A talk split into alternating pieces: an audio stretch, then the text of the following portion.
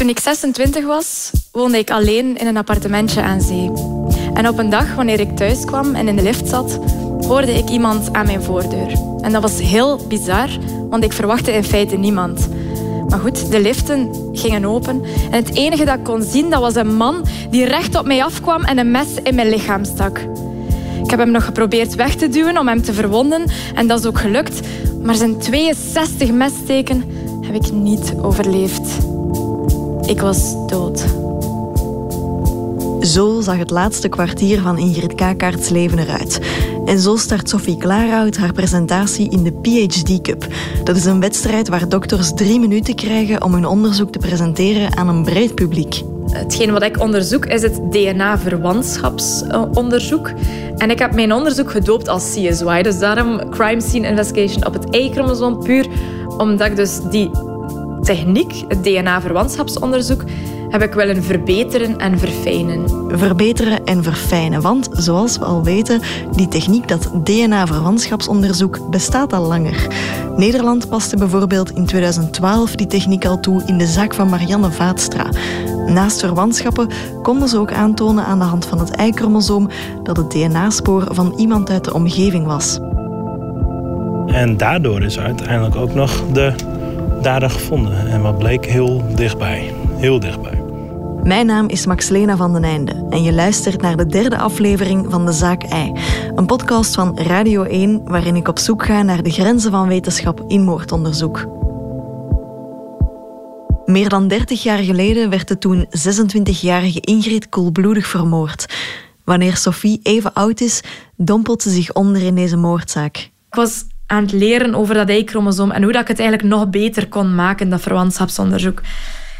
En ik was eigenlijk aan het googlen en ik dacht, oké, ja, in Nederland heeft dat al heel mooi resultaat gebracht, namelijk in de zaak van Marianne Vaatstra. Maar waarom hebben we dat hier in België nog niet gebruikt?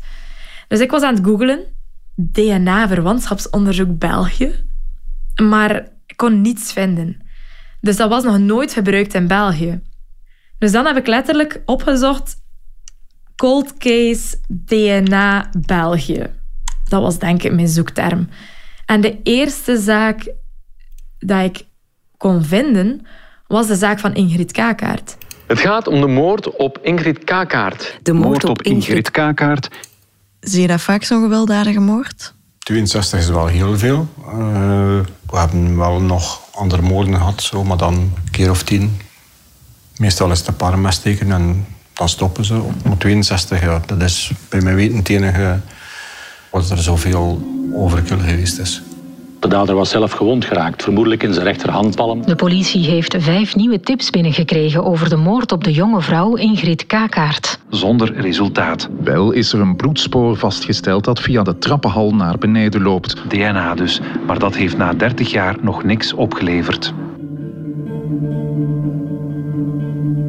En misschien nog wel het strafste van al, de brutale moord op Ingrid gebeurde acht jaar voor de moord op Marianne Vaatstra. Een zaak die intussen opgelost is en waarvan de dader achter de tralies zit. De dader van Ingrid daarentegen is nog altijd niet gevat. Hoe kan dat? In beide moordzaken is er namelijk DNA gevonden van een onbekende man. Het Y-chromosoom bracht in Nederland in 2012 al antwoorden. Dus wat houdt ons vandaag in België dan nog tegen? De verouderde DNA-wetgeving in België. Daar hang ik dus nog altijd aan vast, um, aan de wet van 1999. Om inzicht te krijgen in dat wettelijk kader spreek ik af met Joris van Kouter. Ik ben Joris van Kouter. Ik ben advocaat in strafzaken uh, en ik ben dat al meer dan twintig jaar. De wet bestaat nu om zeggens 3, eh, 24 jaar. Maar dat is in, in perspectief van ons, ons wetboek van strafvordering is dat niet zo oud. Want ons wetboek van strafvordering dateert van 1808. Dus in die zin vind ik 24 jaar een relatief jonge wet. In 2011 kreeg de wet haar eerste kleine update om een aantal procedures die in de praktijk als log of omslachtig werden ervaren bij te sturen. Het is vaak het geval dat wanneer dan een wet in theorie er mooi uitziet, hij in de praktijk nogal omslachtig is. Het is niet zo dat de fundamenten veranderd zijn met die wetswijziging. De fundamenten van 99 zijn vandaag nog altijd dezelfde. We mogen vandaag enkel kijken naar is het sporenprofiel afkomstig van deze persoon, ja of nee. We mogen dus vergelijken. Wat Sophie voorstelt is om nog een stapje verder te gaan. Kijken of we overeenkomsten vinden die niet 100% zijn, maar bijna matchen. Wat betekent dus dat je een verwant of familielid van het sporenprofiel hebt gevonden. Om de kans op het vinden van een 100% match zo groot mogelijk te maken, moet je zoveel mogelijk DNA-stalen van verschillende mannen verzamelen. Maar dankzij DNA-verwantschapsonderzoek heb je geen nood aan een gigantische databank met zoveel mannen. Je zou dan een vooraf bepaalde tactisch overwogen groep mannen kunnen vragen om vrijwillig DNA af te staan. Dat gebeurde dus in de zaak van Marianne Vaatstra in Nederland. En dan spreken we van een vrijwillig grootschalig DNA-verwantschapsonderzoek. Dan gaan we vergelijken. En dat mag niet. Allee, mag niet, dat is moeilijk te zeggen, want dergelijke begrippen als grootschalig DNA-onderzoek, verwantschapsonderzoek of familiale zoeking staan gewoonweg niet in de wet van 1999. En daar knalt het schoentje. Want de onderzoeksrechter en degenen die ermee bezig zijn, zeggen ook van ja, maar ja, staat dat wel in de wet? En dan zeg ik ja, nee, nee, eigenlijk niet. Maar in de wet staat ook niet echt dat het niet mag natuurlijk. Ja, dan zitten we in een grijze zone van de wet. En een grijze zone is volledig afhankelijk van de interpretatie van de onderzoeksrechter. Kijkt hij naar de letter van de wet of naar de geest van de wet?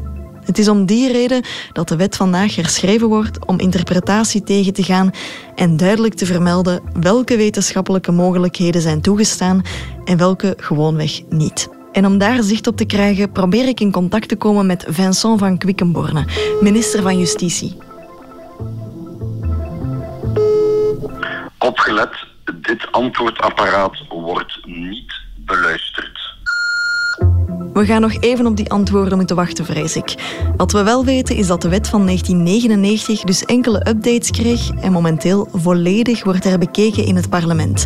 Maar in 1991, het jaar waarin Ingrid Kakaert vermoord werd, was er zelfs nog geen sprake van een DNA-wet.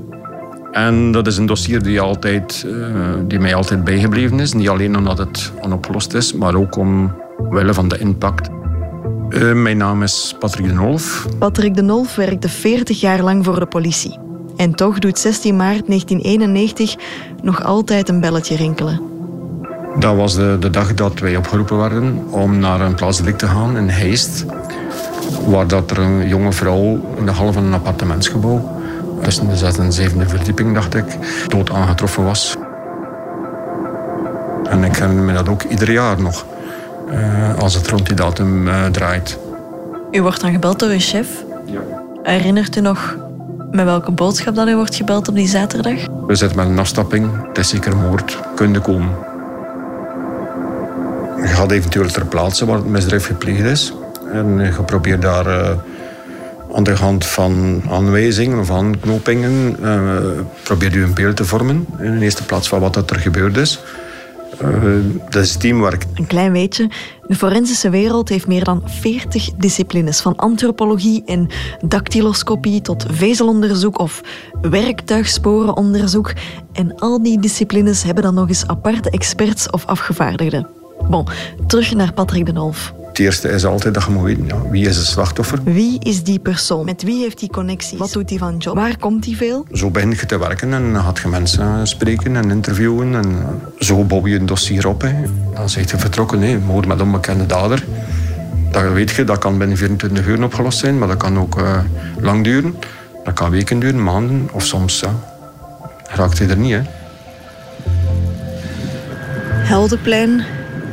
Uh, de plek waar ik heb afgesproken met Marie-Joseph en Georges, de ouders van Ingrid. Um, ik ben gewoon van de stress mijn weg kwijt. Eens kijken.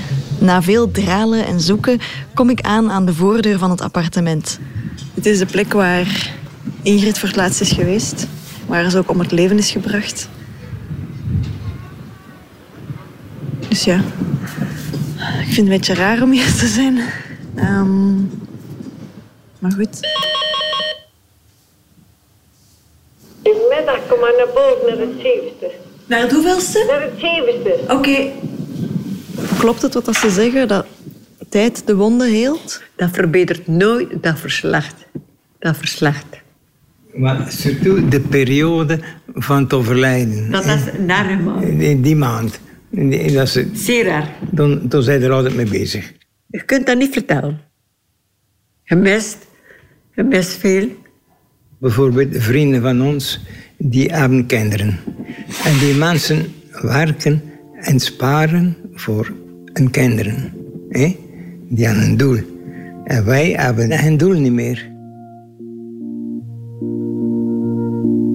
Melk en suiker moet je niet hebben. Nee, zwart dankjewel. Zwart alleen. Het beste van alles is dat we oud worden. Terwijl Marie-Joseph koffie inschenkt, doet George zijn beklag over oud worden. Dat er niks moois aan is. Maar in dezelfde adem zegt hij dat hij dankbaar is dat hij al 86 mocht worden. Dat is niet iedereen gegeven, mompelt hij. Ik ben de mama van Ingrid Kakaert. Ik ben Marie-Joseph Vreken. Ik ben George, de vader van Ingrid, die vermoord is in het jaar hoeveel? Ja, 1991. Hm? Ingrid was hun enige kind. Als ze vroeger een probleem had, dat ze bij mij kwam. En dat ze altijd- altijd zei, ze gaat niet tegen ons moeder. Hè. Zo was ze. Dat is waar. Ik mocht het niet weten, nee. Op wie van jullie leek ze het meest? Op mij. op mijn vrouw, ja. Een doordrijver. Ja, als ze aan iets begon, moest dat doorgaan. En dat moest in de perfectie gebeuren. Ze was sofiaal, maar ze was niet open. Ja was ja en nee was nee. Er was geen middenweg. Zo was ze. Nee, als het correct is, is het correct. Als er twijfels waren, denk ze niet mee. Zo was het. Oké, dus ze ging ervoor of ze ging er niet voor? Ja, ja. Op haar 22e ging ze ervoor. Ze opende haar eigen immokantoor in Knokkenheist, Atlanta. Dat was een idee van George. Ik heb dat voorgesteld. Ik zei, de naam van de agence, dat moet Atlanta zijn. Ineens in een telefoonboek, moet je zoeken. Hè? Ze doen hem open en hebben hem. En het loont. Want al snel groeit Atlanta uit tot een succesvol immokantoor. Ze was een zeer goede zakenvrouw. Zeer correct. Dat was zeven op zeven. Zondag en al. Komt dat overeen met het beeld dat jullie hebben kunnen opmaken in jullie dossier? Er viel daar eigenlijk niks, niks, geen enkele negatieve klank over te horen. Dat was Ingrid Kakart. Ja, zij had haar zaken voor elkaar. Eh, zij was graag gezien, ze had veel vriendinnen. En een vriend, Luc. Ze verhuisden samen naar een appartement in Knokkenheist, pal op het Heldeplein, op een zucht van de Zeedijk. Elke middag rijdt ze op en af naar Maldegem om samen met haar ouders te eten. Behalve op 16 maart 1991. Het is zodanig druk op haar werk die zaterdag dat ze twijfelt om in Knokken te blijven. Dat is de oorzaak van mij geweest. Eh, ik neem dat mijn eigen kwalijk. Ingrid belt naar huis met haar twijfel en Marie-Joseph hakt de knoop voor haar door. Ze zegt... Ik zeg, blijf op het appartement. We spelen uw, tu- uw tijd niet voor een rust rijden. hè. Het is een half uur en een half uur terug. Je bent een uur kwijt. En ja, ze, ik heb niets in huis. Ondertussen ga ik achter een broodje gaan. Dat zou ook goed zijn, zegt ze. Ik zeg, dat is goed tegen haar. Ik zeg, doe dat maar. Ingrid haalt een broodje, passeert nog even langs een kledingwinkel op het plein en komt de inkomhal van haar appartementsgebouw binnen. Nog geen uur later krijgt George telefoon. Luister, je moet naar nog rijden. Er is daar iets gebeurd met Ingrid. Dus ik ben rap naar IJs gereden, maar ik moest eerst naar de politie gaan. Ik heb daar lang in het politiebureau gezeten, waarschijnlijk om mij te kalmeren. Ik weet niet, ik denk dat het zo was. Twee uur lang zit George in de wachtzaal van het politiebureau. Maar dan staat hij op en zegt hij... Eh, luister, ik blijf niet meer, ik ga kijken wat er gebeurd is. Tien minuten later komt hij aan op het Heldeplein. Dat was hier een massa volk. Ik zag tegen de politie, ik ben de vader, hè. Niet ben, zegt hij. En ja, gasten gaat op straat, hè. Intussen is ook Marie-Joseph aangekomen. En daar staan ze. Voor de deur van haar inkomhal, tussen allemaal mensen die ze niet kennen. Uw dochter is vermoord, hij komt aan de deur en hij staat daar. Niemand helpt u. Je staat alleen. Ja, ze zijn allemaal bang van niet te reageren. Dat is wel een feit, hè. Ja. En toen hebben wij vrienden die in een appartement wonen, niet ver van. En die zeiden toen tegen ons, je moet op straat niet blijven, kom maar een beetje bij ons zijn. Ze gaan in op het voorstel van hun vrienden die om de hoek wonen. Maar wat zetten ze te doen? En toen zijn we achter een uur of twee naar Maldegem gekomen natuurlijk. Ze keren terug naar Maldegem, terug naar huis. En eens aangekomen zetten ze de televisie aan. Met mijn hand, hè. Nee? Ja. Dat was ook haar. Foto van Ingrid. De moord van Eist. Niet veel mee te lachen, hoor. Een foto van hun dochter verschijnt op het scherm met de moord van Heist als slagzin. Een paar dagen later mogen ze voor het eerst naar hun dochter gaan kijken. En juist maar het gezichtje. En dat is allemaal gerepareerd, geplakt en allemaal. Dat was allemaal doorstakt. Hè.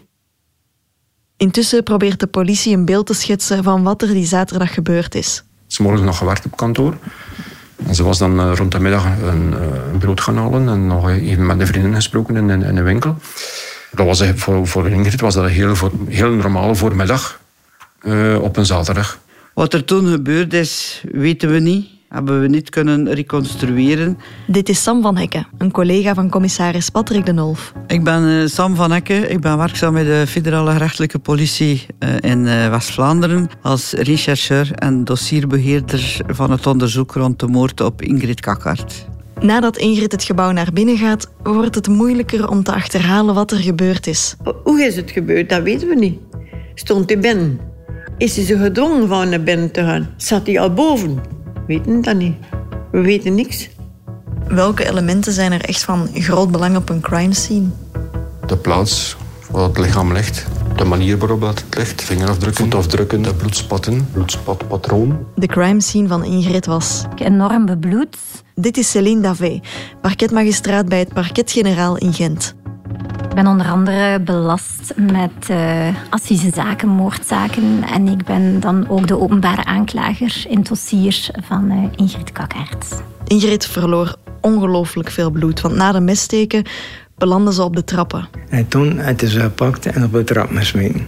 Haar benen uwen eruit, uit de balustrade, zodat dat bloed is beginnen lopen. He. Dat bloed is er allemaal ingetrokken in die trappen. niet. Dat gaat nooit niet meer weg. He. Dat is arduin zeker? Of marmer arduin, ja. En dat raakt erin en dat gaat niet meer weg. He. En als wij daar komen, zien wij dat nog altijd. De bloedsporen zijn nog steeds goed zichtbaar in de marmeren trappen. Ook ik zie de dunne bruinige lijnen en vlekken in de stenen als ik op het zevende verdiep aankom. Ik kan mij onmogelijk inbeelden dat ik in hun plaats het appartement nog zou bezoeken. Hebben jullie twijfel gehad om het appartement te verkopen? Nooit. En gaan we dat nooit doen ook? Dat appartement was geschikt voor Ingrid. En nu dat het niet meer is, gaan wij dat niet verkopen. Integendeel. Ze spenderen er zo goed als al hun weekends, maar nemen wel altijd de lift in plaats van de trap. George laat er soms zijn oog opvallen als hij de lift uitstapt. En kijk je dan zo soms? Waarom? We kijken daar wel een keer naar. Ja, ja, dat is een herinnering. En geleerd in mijn leven, ik zou het zo zeggen. Maar dat geldt niet voor Marie-Joseph. Als ze de deur van de lift open doet, ziet het voor u. Ja, ik draai me gewoon weg. Ik doe, heb mijn sleutel in mijn hand en ik doe mijn deur open. Dat is te moeilijk.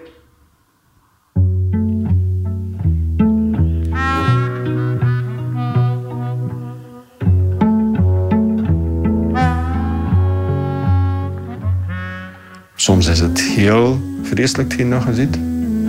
Soms is het iemand die al weken, maanden dood ligt op zijn appartementje of zijn kamer of, of, of ergens in een bos of zo. Dit is terug commissaris Patrick de Nolf. Uh, je moet daar die abstractie van maken en zeggen: oké, dat is een persoon, oké, met alle respect.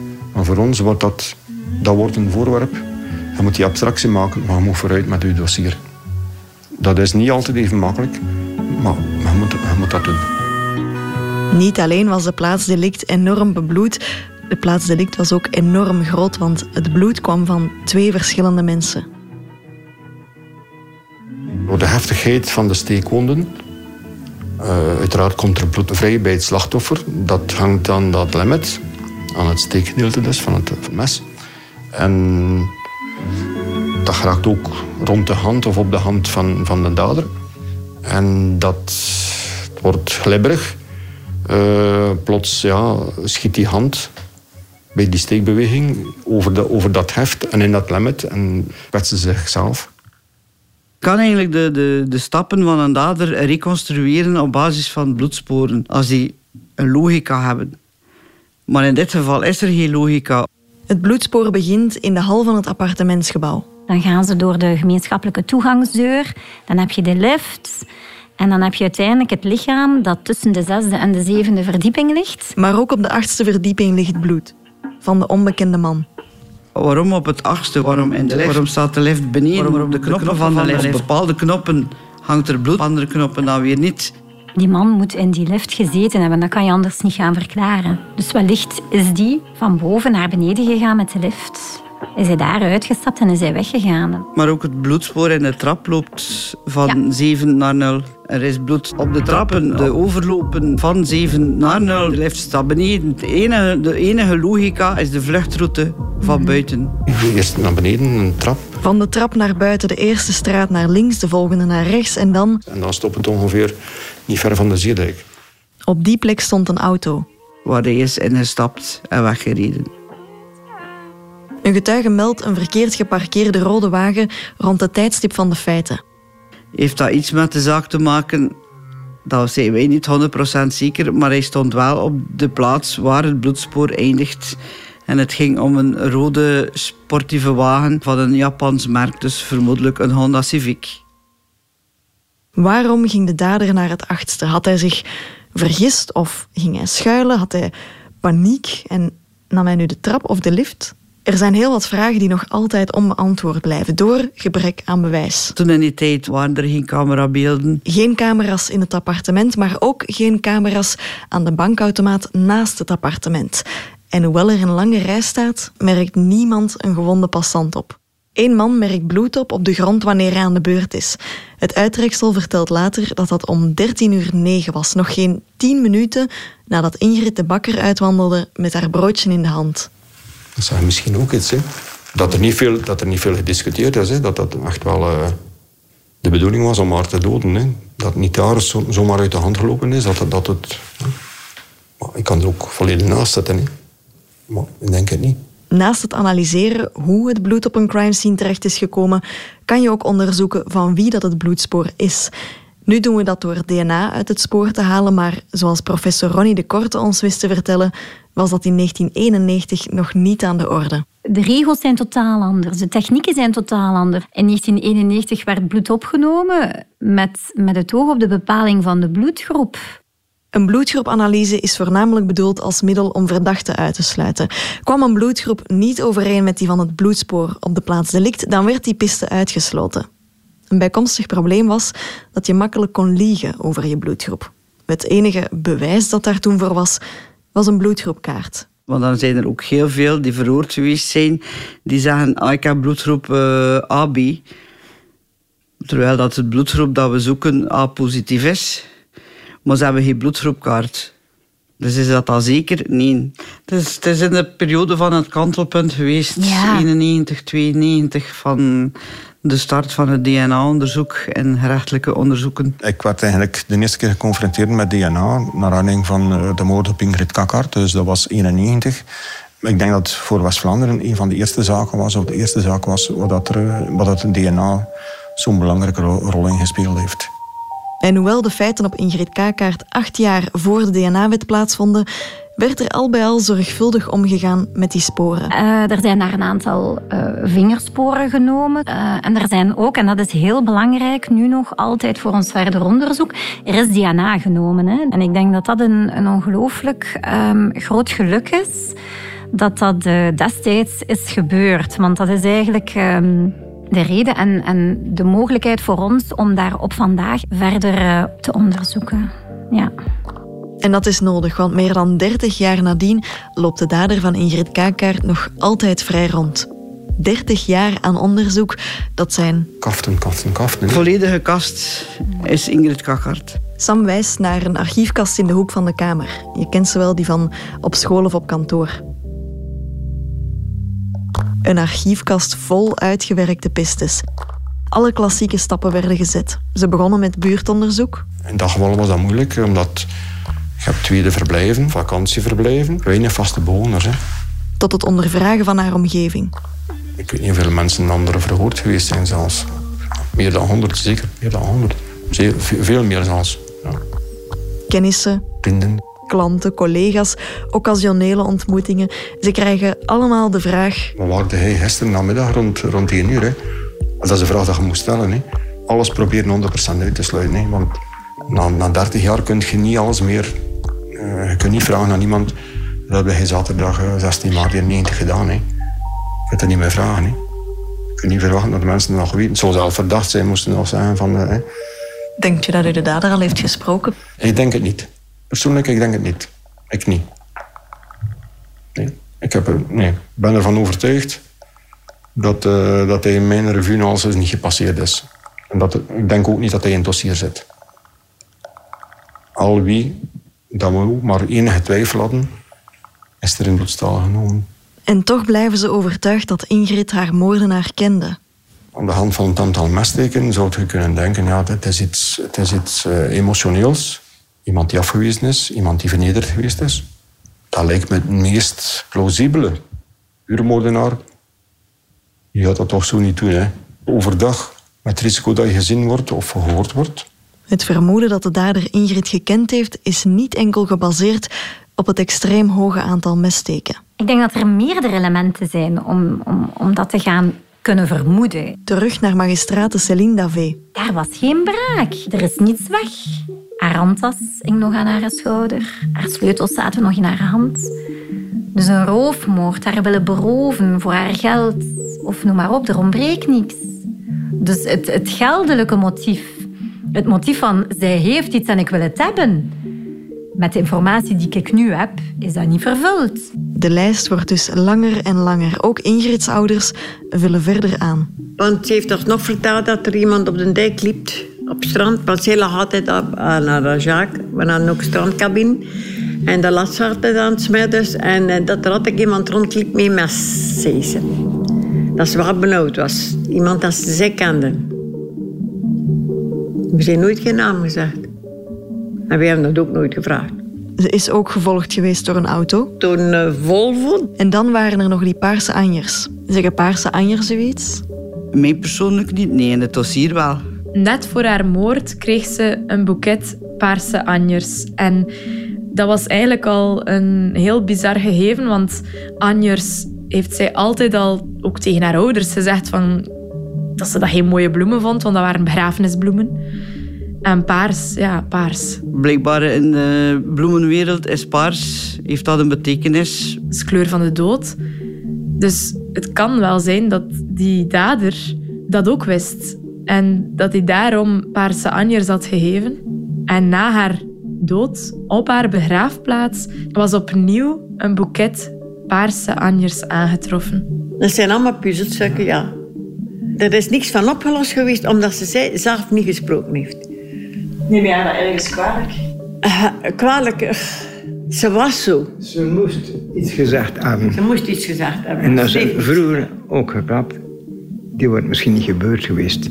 Want we hingen op onze hoede zijn. En tot slot is er een verdachte. Iemand met een slechte reputatie die bij Atlanta een woning huurt. En dan gaat je naar dat appartement of die studio van die verdachte en die is niet thuis. En dan vind je een t-shirt met bloed aan. Ik zeg van, ja, oké. En dan denkt je van, oké, okay, zijn reputatie kende. Hij huurde een appartement bij haar. Het is een, iemand met een kort lontje. Ja, via via kunt je hem dan uh, arresteren. En dan blijkt het DNA niet te kloppen. En dan ben je weer bij af. DNA bewijst keer op keer haar kracht zonder doorslag. Maar er zijn volgens agent Sam van Hekken ook wel enkele gaten in het dossier. Zo is er bijvoorbeeld nooit gevraagd geweest om na te gaan wie er de dagen voordien geweld heeft met Ingrid.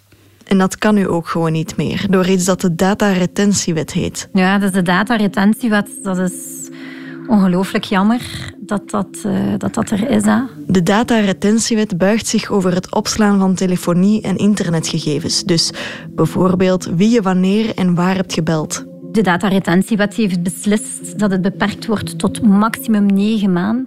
Negen maanden lang mogen telefonie- en internetgegevens dus worden opgeslagen voor criminologisch onderzoek. Maar dus geen 33 jaar. En hoe langer dat duurt, hoe moeilijker dat wordt. Goede info te krijgen. Een duidelijke info, niet ingekleurd door de omstandigheden, door de tijd, door, door beïnvloeding van pers of, of, of, of dingen als ze zien op tv of zo. Ja, dat dossier groeit en groeit en groeit. En uiteindelijk ja, is het 90% ballast. Hè. Want het is allemaal, ja, is allemaal tot niets geleid. En je zit met die 10% en je moet dat proberen ergens via die weg te kunnen naar een oplossing komen. Ja, dat is enkel maar in de films dat dat in een uur en een half gaat, of in twee uur. eh. We worden veelal verweten van een tunnelvisie. De onderzoekers in de eerste plaats, wij ook. De onderzoeksrechter bij momenten ook. Maar de realiteit is dat dat zo anders is. Uiteraard kan het niet geweten zijn, want het is het geheim van het vooronderzoek. Hè. We moeten dat allemaal geheim houden voor het welslagen van ons onderzoek. Maar ik denk, moesten de mensen weten uh, met hoeveel zaken dat er rekening wordt gehouden, zelfs met het absurde toe, zelfs met de meest onnozele tip.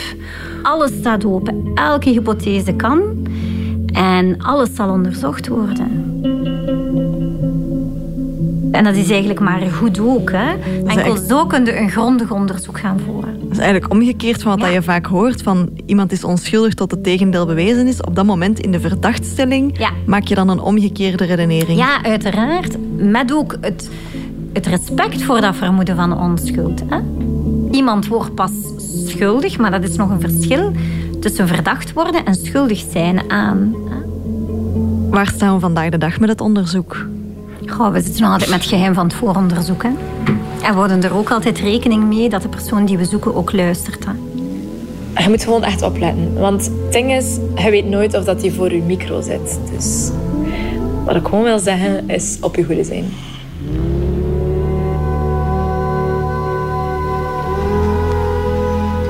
Hij laat wel een bloedspoor achter, DNA dus, maar dat heeft na 30 jaar nog niks opgeleverd. Dus doen we vandaag nog een oproep tot medisch personeel, tot alle medisch personeel, die in maart 1991 eventueel een man verzorgd hebben die gekwetst was, serieus gekwetst was, aan zijn rechterkant van zijn lichaam, mogelijk zijn rechterhandpalm. En we willen toch even beklemtonen dat het hier gaat om een moordenaar. Ja, aarzel dan zeker niet te bellen naar 0800 20 20 1. Want elk detail, elke info, elk antwoord kan misschien helpen de moord op Ingrid Kakkaert alsnog op te lossen. U belt dus 0800 Voor ons is eigenlijk een cold case feiten die um, volledig uitgerechercheerd zijn. Dus waarin we eigenlijk al hetgeen dat we konden onderzoeken, hebben onderzocht en helaas geen resultaat kennen. Um, ik beschouw de, de zaak van Ingrid Kakkaert niet als een, als een cold case, omdat um, het is een dossier waar nog enorm veel leven in zit. En waarin dat er ook nog heel veel energie wordt gestoken. Uh, bij politie, bij magistratuur. Uh, het is een zaak die we absoluut nog niet beschouwen als zijnde afgerond, uitgerechercheerd. Wel in tegendeel. Wat dat het dossier van Ingrid Kakkaert betreft, uh, ik kan u garanderen dat dossier heeft nooit in een kelder gelegen, nooit in een afgesloten kast gelegen. Dat dossier lag altijd binnen handbereik uh, in mijn bureau. Het is niet dat we zoiets moeten gaan opduikelen in een, in een of andere hoek van een kelder. Dat was nooit uit het zicht. En dat helpt je ook om te herinneren van... Je moet er ook een keer aan voorten. We hebben het daarnet ook al gezegd. Hè? De, de, de technieken op, op vlak van DNA veranderen ook continu. Dus wij hopen dat wij mee op die golven van die evolutie kunnen zetten. Om vooralsnog te komen tot een uh, identificatie van die onbekende man. Hè. We weten dat het een man is. Hè, maar het is helaas nog altijd een onbekende man voor ons. Uh, leeft hij nog? Leeft hij niet meer? Ik denk dat de wetenschap nog de enige mogelijkheid is om tot een eindpunt te komen. Dat is een gevaarlijke uitspraak dat ik ga doen, maar ik ben er eigenlijk zeker van dat we die zaak kunnen oplossen. Ja. 100 procent. 100 procent. En die belofte maakt ze ook aan Marie-Joseph en Georges de ouders van Ingrid Kakkaert. Voor hen is dat echt wel het laatste redmiddel om het antwoord te kennen waarom dat zij hun dochter kwijt zijn voordat ze sterven. Dat is hetgeen wat ze altijd aan mij zeggen. Als we het weten, dan kunnen we gaan. En op dat moment heb ik dus ook gezegd van kijk, ik wil gewoon, ons eerste doel is dat in de wet krijgen.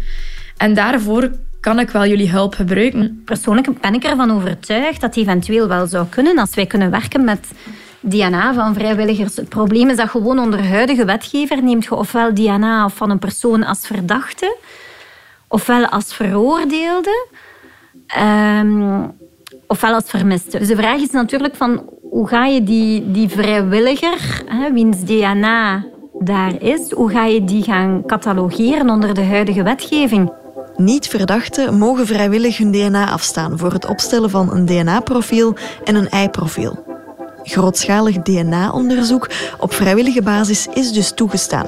Het is het grootschalig DNA-verwantschapsonderzoek dat niet in de wet staat en dus, zoals Sophie Klaarhout al zei, een grijze zone creëert. Het is al tien jaar legaal in Nederland. We zitten met die kracht van de wetenschap. We moeten er echt mee aan de slag. Want het kan voor antwoorden zorgen. Waar wachten we nog op? Zolang dat, dat de wetgeving daarin niet verandert, gaan we de techniek van Sophie niet gebruiken in dit dossier. Uiteraard kan haar onderzoek ons helpen. Maar wij moeten natuurlijk ook altijd zorgen dat het wettelijke ook oké is. Want niets is zo frustrerend als dan effectief te kunnen komen tot een identificatie op basis van niet regelmatig verkregen bewijs. Daar denkt advocaat Joris van Kouter het zijne van. Beter zou zijn dat dat wettelijk geregeld is, maar ik kan mij niet voorstellen dat wanneer een onderzoeksrechter gebruik maakt van een dergelijk grootschalig DNA-onderzoek tot een resultaat zou komen dat dat resultaat